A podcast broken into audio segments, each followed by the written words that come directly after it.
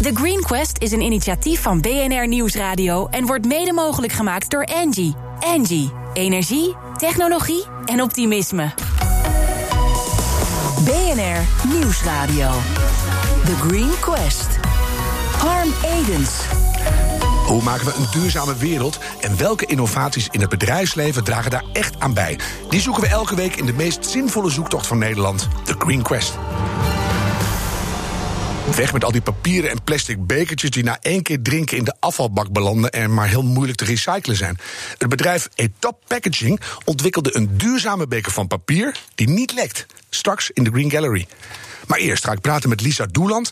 Zij is als filosoof verbonden aan de Radboud Universiteit in Nijmegen en heeft onderzoek gedaan naar haar eigen afval. En de resultaten waren schrikbarend. Mag ik het zo samenvatten? Zo mag je het samenvatten.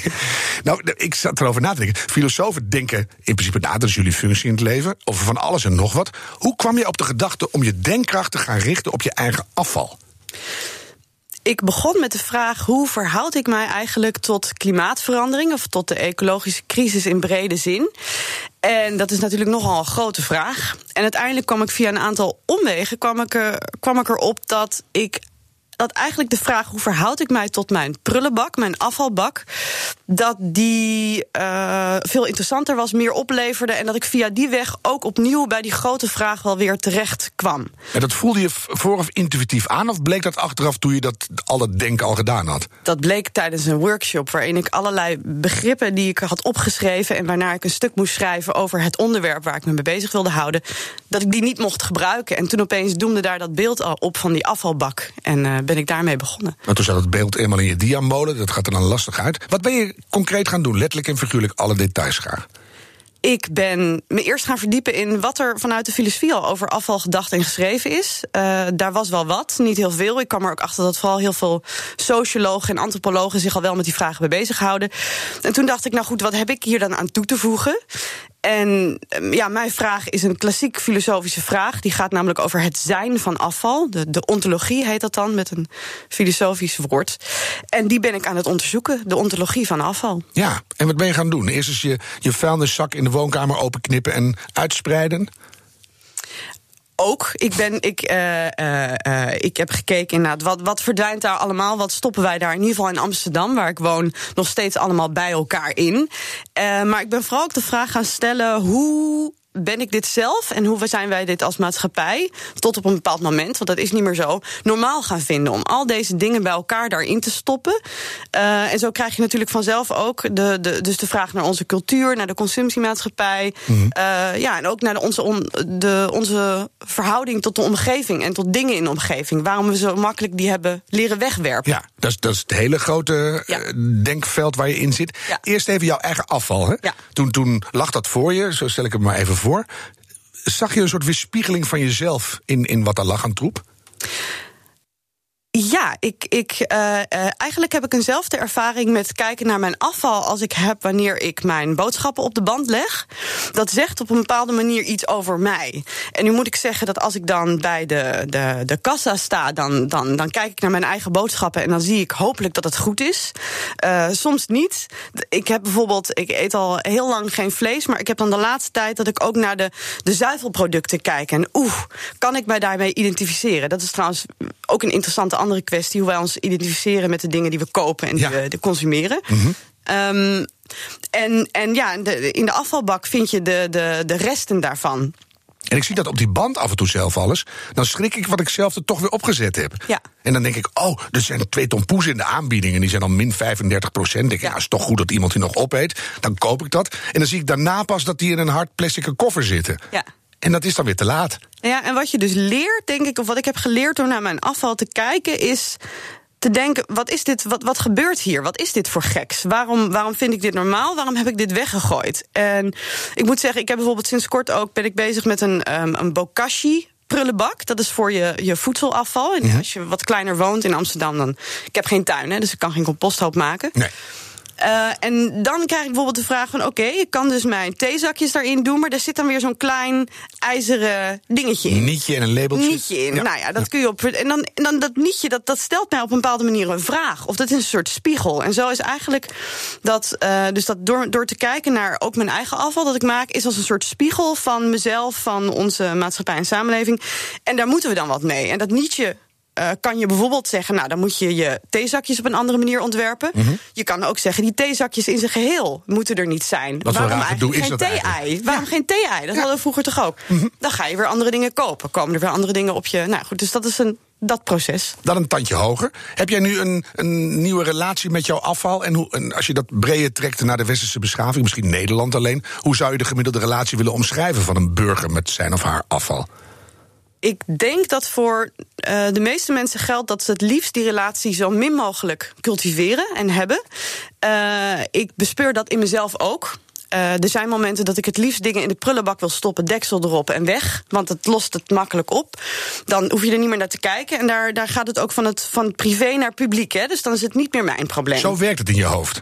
Ja. Dus als je het in een prullenbak stopt en daarna misschien de vuilniszak dichtbindt en wegzet, dan is het niet meer jouw probleem. Dan is het niet meer mijn probleem. Aha. En, uh, en wat ik dus steeds probeer, is, het, is te kijken in hoeverre het wel mijn probleem is. Ik wil daar overigens niet mee zeggen dat, uh, want dat zie je nu heel erg. We hebben een soort schuld- en schaamtecultuur krijgen we. Vliegschaamte en afvalschaamte kun je dan ook krijgen. Netflix-schaamte, Netflix, allemaal schaamtes. schaamte. Ik van de schaamtes. Heel veel schaamtes. Mm -hmm. Dat vind ik wel tricky, want uiteindelijk zegt het meer over de maatschappij en de omgeving, denk ik, dan over mij individueel. Maar ik zie daar, maar door te kijken naar mijn eigen rol en de vraag die af van mij als het ware stelt uh, op te nemen, mm -hmm. uh, nou ja, gebeurt er iets. En dat, dat probeer ik te doen. Ja, maar je zit nu in dat volledige proces. Wat, ja. wat ben je nu aan het doen en wat zouden wij misschien allemaal moeten doen?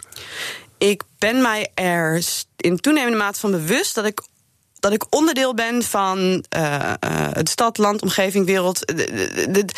De ecologische verknooptheid eigenlijk. Mm -hmm. uh, en um, uh, bij ecologie, we denken dan stel, hè, natuur, groen, mooi, dat moeten we ook zo houden.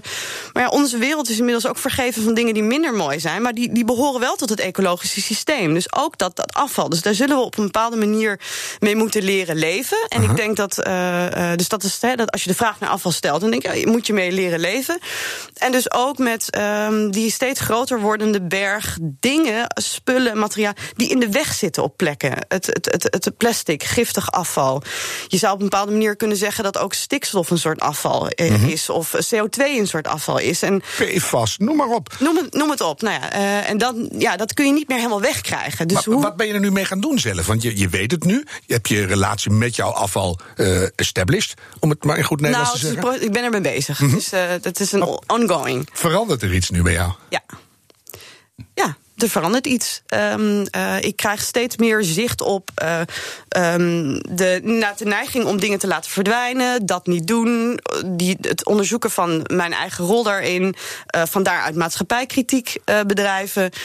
Uh, en ook ja, mm, kijken welke fantasieën er werkzaam zijn. Uh, circulaire economie vinden we bijvoorbeeld een manier uh, recycling. Snap je? Zo proberen we dat op te lossen. Nou, -hmm. wat werkt er bijvoorbeeld aan recycling wel en wat werkt er niet? Want er zijn ook onderzoeken waar bijvoorbeeld uit blijkt dat als er recyclingmogelijkheden zijn, dat we nog meer gaan consumeren. Omdat ja, dan hoeven we er niet meer op te letten. Het, het wordt komt goed terecht. allemaal gerecycled. Het, het, ja, het komt weer goed. Ja. Uh, en dat is natuurlijk niet zo, maar er zijn ook vormen van recycling... Of, uh, waardoor je wel degelijk ziet dat het een probleem blijft... maar het is een soort damage control. Ja, recycling is de, de onderste sport van Precies. de circulaire economie. Hè? Nummer één is natuurlijk refuse, uh, de eerste R. Ja, ja, weiger. Doe jij dingen niet meer waarvan je dacht... Uh, nou, dat vond ik eigenlijk volkomen normaal om te doen... maar daar ben ik mee opgehouden? Oeh, doe ik dingen echt niet meer. Ik, ik, ik merk dat het mijn leven versimpelt. En seizoensgroente in een, in een papieren zakje vind ik een stuk uh, makkelijker dan uh, Argentijnse mais in een plasticje. Ja. Ik denk dat ik dingen minder doe, maar ik weet niet of er bepaalde dingen zijn die ik helemaal niet meer doe. Mm -hmm. Uh, maar ik probeer daar wel naartoe te komen. Ik had daar nog een interessant gesprek over. Uh, het, is ook, het lijkt een soort opvoedingskwestie te, te, te, te zijn. Uh, je, hebt, je hebt bepaalde dingen aangeleerd, die heb je normaal gevonden. En dat moet er dan weer langzaam uitslijten. Dat is moeilijk, dus ik koop misschien zo af en toe nog wel eens tompoesen. Maar dat weggooien van dat plastic, dat wordt steeds problematischer. En ja. ik weet zeker dat er een punt komt waarop ik dat niet meer zal doen. Net als dat ik, ik eet nog steeds zo af en toe vlees als ik het voorgeschoteld krijg. Ja. Maar er komt ongetwijfeld een moment dat ik dat echt niet meer doe. Je dus het, is niet meer. het gaat langzaam. Ja. Ik kijk even naar Jacqueline Kramer, ons uh, jurylid, zeer gewaardeerd voor de tweede helft. Jij hebt ook een collega, Jacqueline, die zich met uh, afval bezighoudt. Wat, wat, uh, wat komt er in jouw hoofd omhoog? Ja, Joppe van Driel die heeft een proefschrift geschreven bij de TU Twente. En dat proefschrift heet The Filthy and the Fat. En gaat over grondstoffenbeheer tussen 1700 en 1850. Het interessante daarvan is dat alles wat er toen circuleerde in de economie optimaal weer werd gebruikt. En of het nou ging over fruit, tuinafval, varkensstaart en alles. Botten, bloedvodden. Ja alles, urine, urinepoep, alles werd gebruikt. En het mooie was dat dat ook een lokale kringloop was. Wij zijn dat kwijtgeraakt na 1850. Dan houdt het proefschrift op. Maar het interessante is dat er wel een hint is naar ons heden. Doordat vanaf de industrialisatie wij steeds meer alle ketens uit elkaar zijn gaan halen. En nu, met de globalisering, natuurlijk helemaal. Het is totaal geglobaliseerd. En ook de handel, de politiek en de wetenschap zijn ook allemaal uit elkaar gegroeid. Waardoor er geen samenwerking meer is tussen partijen om het lokaal te hergebruiken. Mhm. En de essentie van circulaire economie nu is niet terug naar het verleden, want dat kan niet, maar wel herdefiniëren vanuit de lessen uit het verleden wat wij nu dan moeten doen. Ja. ja. Dus eigenlijk je weer verantwoordelijk gaan voelen voor je eigen troep in je eigen community. Ja, precies. En ik ben wel heel erg benieuwd naar zijn, zijn proefschrift. Want um, wat je denk ik vaak. Um, ziet, afval moet op een bepaalde manier weg, erbuiten. Dus mhm. ook, um, uh, ik weet wel van een proefschrift van een um, uh, Amsterdamse uh, geschiedkundige uh, over Amsterdam. Het, die zei op een gegeven moment, ja, maar ook botten en bloed bijvoorbeeld, daar kon je nou moeilijk iets mee. Dat moest toch de stad uitgewerkt. Dat moest er buiten. Daar moest een soort weg voor komen. Mm uh, ja, een weg tussen aanhalingstekentjes. Daar moest het in verdwijnen. En je ziet dat inderdaad nog steeds gebeuren. We hebben ook lang ons, dat lukt nu niet meer, want China wil het niet meer hebben. Inderdaad, dat plastic, dat kon dan naar het weg dat China heet. Of zo. Maar inderdaad, in een geglobaliseerde wereld kom je in toenemende mate achter dat er is geen weg. Het keert steeds terug. Het gaat ons bespoken. Dus je zult er hier iets mee moeten. En daarom uh, ben ik heel blij dat jij erover nadenkt. Dank Lisa Doeland van de Radboud Universiteit. Zometeen in de Green Gallery een duurzame beker zonder deksel die niet lekt. BNR Nieuwsradio. The Green Quest. Harm Edens. Je luistert nog steeds naar de Green Quest, de competitie waarin we hard op zoek zijn naar de meest duurzame innovaties in het bedrijfsleven. Vandaag nummer 21 in de Green Gallery, A Top Packaging. En hun innovatie klinkt ongeveer zo. I've been thinking, you know, we could go have a drink. Oh yes. Use a cup there if you like. Ah, refreshing. Why is there no lipstick on this cup? Now wait a minute. You know it's leaking. Leaking? What's leaking? This is bad. Almost every piece of plastic ever made is still on the planet in some form or another. Plastic production globally this year is expected to be more than 300 million tonnes. Can we please back this up? Refill the paper cup.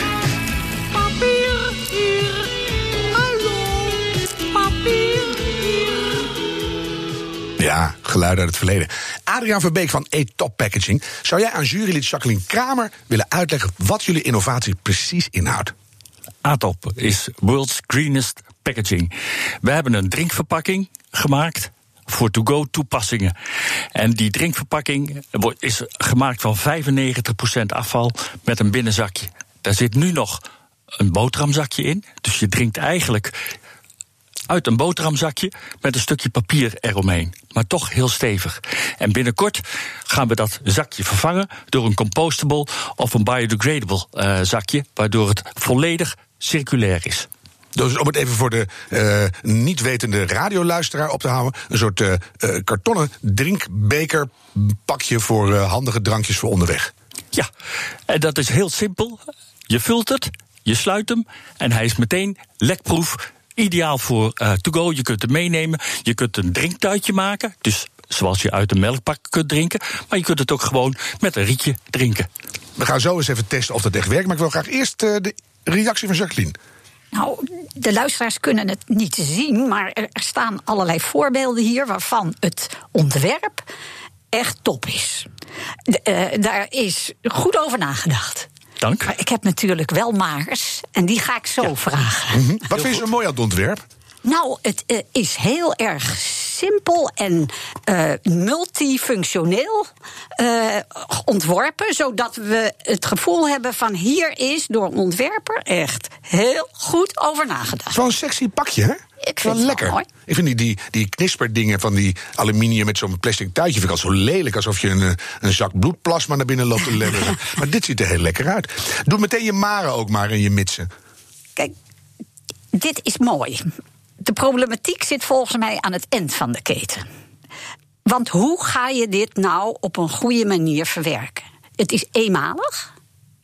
Ja, het ja, is een eenmalige eenmalig. Dus dat is al een categorie waar wij van zeggen: hoe, hoe kunnen we voorkomen dat we alles eenmalig hebben? Maar die komen, we komen misschien straks op terug. Maar als je het in de bak gooit, bij de trein of bij je thuis, dan kan dit niet bij papier. En het kan ook niet bij plastic. Dat is het probleem. Ja, Adriaan, wat, uh, daar heb je vast over nagedacht. Ja, daar hebben we heel goed over nagedacht. Eén, het binnenzakje is heel makkelijk te scheiden van. En dat zou ik nu in de studio makkelijk voor kunnen doen. En daarmee laat je het over aan de consument van wat doe ik? Was wel heel makkelijk, één ja. beweging. Echt en, en, fantastisch. Hoe snel? Dank. En de tweede is, je mag dit bij het oud papier gooien. Nou, dat zullen die papier- en kartonmensen niet willen. Dat weet ik zeker. Want daar heb ik al zoveel discussies, ook toen ik minister uh, was, over gehad. Uiteindelijk, die drankenkartons mochten dan. Uh, maar dan bij plastic, mm -hmm. maar niet bij papier en karton. Dus ze zijn heel strikt. Maar er zijn ontwikkelingen, heb ik begrepen? Ja, er zijn hele goede ontwikkelingen. Wij zijn bij een aantal uh, grote papierverwerkers geweest. En die hebben gezegd: is prima, laat dit zomaar bij mij aanleveren. Want als het moment dat dit in de verpulver komt, komt het zakje En die skimarm die haalt dat zakje weg en dat wordt gescheiden. Net als nietjes die met karton meegaan, wordt dit heel gemakkelijk gescheiden. Uiteindelijk is het natuurlijk beter als het er niet meer in zit. Want voor de consument is het heel verward. Hè? Drinkpak bij het plastic, plastic bestek niet bij het plastic. Uh, de ja. drinkbeker van jullie bij het papier. Het wordt een beetje verwarrend. Dus laten we het gewoon helemaal afbreekbaar maken. Ik ben zo benieuwd, want het ziet eruit als een, een ouderwets uh, bloementuiltje uh, houdertje. kun je hem vullen en dan laten zien dat hij niet lekt? Ja, natuurlijk. Dus er gaat nu even wat gezellige fruitdrank in. ja. Dus een flinke pleur gaat erin. En het bakje staat gewoon open nu. En het wordt simpel dichtgevouwen. En een kartonnen flapje gaat er uiteindelijk in de, in de verzegeling. En nu zit hij dicht. En dan. Nou, dat en is mooi, hè? Hij lekt bijna niet. Dus, uh, oh. Je het iets te snel gedaan. Ik heb het iets te snel gesloten. Maar in principe lekt hij niet. Nee, in principe lekt hij nee. niet. En kan je er van alles in doen? Dus uh, bier, limonade, drinkyoghurt, wat je maar wil? Um, het is met name voor to go. Ik zou er alles in doen. Of ik er bier in zou doen. Ja, ik heb natuurlijk wel eens een biertje uitgedronken. Hm. Glaasje wijn uitdrinken of een wijn uitdrinken. Hm. Maar alle andere dranken zou ik eruit drinken. Ja, smoothies, alles kan. Ja, we hebben het getest tijdens een festival. En daar namen mensen er ook koffie en thee in mee. Waarvan wij dachten, dat gaan mensen niet doen. Mensen niet doen. Nee. En dat doen ze. Ja. Waarom? Het is ideaal om mee te nemen. Het lekt niet onderweg. En denk je ook niet dat er zo langzamerhand al een soort awareness vraag, eigenlijk ook even, misschien ook aan Lisa en ook aan Jacqueline, dat er toch een soort uh, bewustzijn, streep vermoeidheid in de bevolking komt, dat je denkt, we willen al die rottige verpakkingen niet. Nou, ik heb inderdaad vooral dat ik denk, als ik daarnaar kijk, denk ik, wat lost het nou op? Want is het probleem van al die, die eenmalig gebruikte dingen niet dat, dat ze dus eenmalig gebruikt worden? Mhm. Mm -hmm. En in plaats van dan te zeggen, we maken het van andere materialen, zeggen we. Alle doppers, et cetera. We, nou ja, of we, we, we, we, we doen het niet, of we nemen wel een dopper of iets anders uh, wat we steeds her, hergebruiken. Maar als je nou weet dat dit een goede manier is die makkelijk kan, is het dan niet toch een goede toevoeging? Als je het uit zou kunnen rekenen, bedoel je? Wat mm -hmm. dan de meeste. Um, het, ik moet eerlijk zeggen dat dat hele idee van, van, van eenmalig gebruik en wegwerpen, ik, ik, uh, ik vind dat toch heel problematisch. Het idee dat dat, eh, zeker als je het, hè, dus dit laat zich dan eh, in theorie, of het laat zich dus makkelijk scheiden. Je kan dat dan regelen. Maar dan, dan heb je het idee van, nou ja, oké, het is allemaal er is geen probleem meer. Het is helemaal opgelost. Terwijl ik inderdaad steeds probeer te vragen... ja, maar het afval moet in onze maag gaan zitten of zo. Dus die eenmalig gebruikte dingen moet je denken... oeh, maar moeten we dat nou allemaal wel willen? Kijk toch even naar Adriaan. Ja, op zich, eh, je hebt helemaal gelijk. Dat zou het mooiste zijn. En waarom kan dat dan niet? Omdat wij als consumenten dat niet willen. We hebben blijven een vraag houden naar to-go drankjes. Je bent onderweg, je wil je koffie hebben, je wil je, uh, je sapje uh, mee kunnen nemen. En een grote voordeel is, dit is een grote stap in het verduurzamen van je verpakkingen. Een plastic beker is 10 gram olie gebaseerd. Een papieren bekertje 3 gram olie gebaseerd. Nu, met alleen een boterhamzakje 1 gram. En zometeen 0 gram. Ja. Hoe dus komen we bij die nul? Sorry? Hoe komen we bij de nul? Een, compostable, een biodegradable uh, zakje. Het moet gemaakt, toch? Ja, het, het, wordt wel gemaakt, maar er zit er geen plastic meer in. Ja, dus ik snap je punt, Lisa. Maar ik denk als tussenfase de komende 20, 30 jaar is het misschien een goede stap. Jacqueline die knikt ook dapper, ja. Uh, je hebt ook nog een nou, ander product. Ik, ja. ik, ik, knik omdat ik kijk naar Lisa ik wilde toch nog even doorzeuren over uh, het meermalig gebruik. Want bijvoorbeeld bij festivals is het al heel gewoon om meermalig te gebruiken bekers in te zetten. Ook omdat je dan op die festivalterreinen niet overal die troep krijgt. En ik heb, als ik reis met de trein, altijd mijn beker bij me. Waar ik nu tegenwoordig, en daar gaat het mij niet om, maar 25 eurocent uh, goedkopere koffie en thee kan krijgen. Omdat ik mijn eigen beker meeneem. Mhm. En ik vind dat initiatief van de NS vind ik ook, dus ook heel goed. Omdat het ook je uh, idee over hola, hoe ga ik zelf om, wat Lisa zegt, met alles wat ik gebruik, nog eens een keertje benadrukt. Ja. Dus ik wilde nog iets meer daarover van jullie kant horen. Hoe jullie dan zelf die aanpak van meermalig gebruik proberen te promoten naast jullie eigen aanpak. Dan ga ik het heel zwart-wit uh, zetten. Meermalig gebruik van plastic cups is de plastic industrie fights back. Want die maken heel dik plastic, het is niet meer recyclebaar en de schoonmaakkosten zijn vele malen hoger dan wanneer je een eenmalig aardopjes uh, zou gebruiken. En daarnaast het heeft ook een, uh, een uh, groot voordeel, want wij bieden het bij festivals aan in een closed loop. Dus wij brengen de aardopjes, de aardopjes, en dat is logistiek een derde van een beker. En we komen daarna de aardopjes ophalen. En die gaan meteen naar de papierrecycler. Ik bedoel, je voelt het probleem, Adriaan. Ja. Ik wil nog één ding, want we, we rennen uit de tijd. Jouw uh, snoeptomaatjesverpakking. Maar die vind ik ook zo leuk. Dus leg nog even uit, die staat hier ook. Wat daar een antwoord op is. Want ik zie een soort uh, doorkijkdoosje. En daar kan je dus uh, heel veel dingen in gooien die nu in heel hard plastic zitten. Ja, het is een, een doosje gemaakt van recycled karton. Het is mhm. food approved. En dat is ter vervanging van de plastic buckets die we tegenkomen in Nederland. Met name met snoepgroenten en heel veel fruitsoorten. Ja, er is een gaan... displaybakje onder. Dus als je hem opentrekt, ja. dan vallen ze er automatisch uit. Ja. Is het de, de, de reactie van Retail Nederland al overtuigend positief en gejuich al om? Nee, nog niet. Want er is natuurlijk grote twijfel.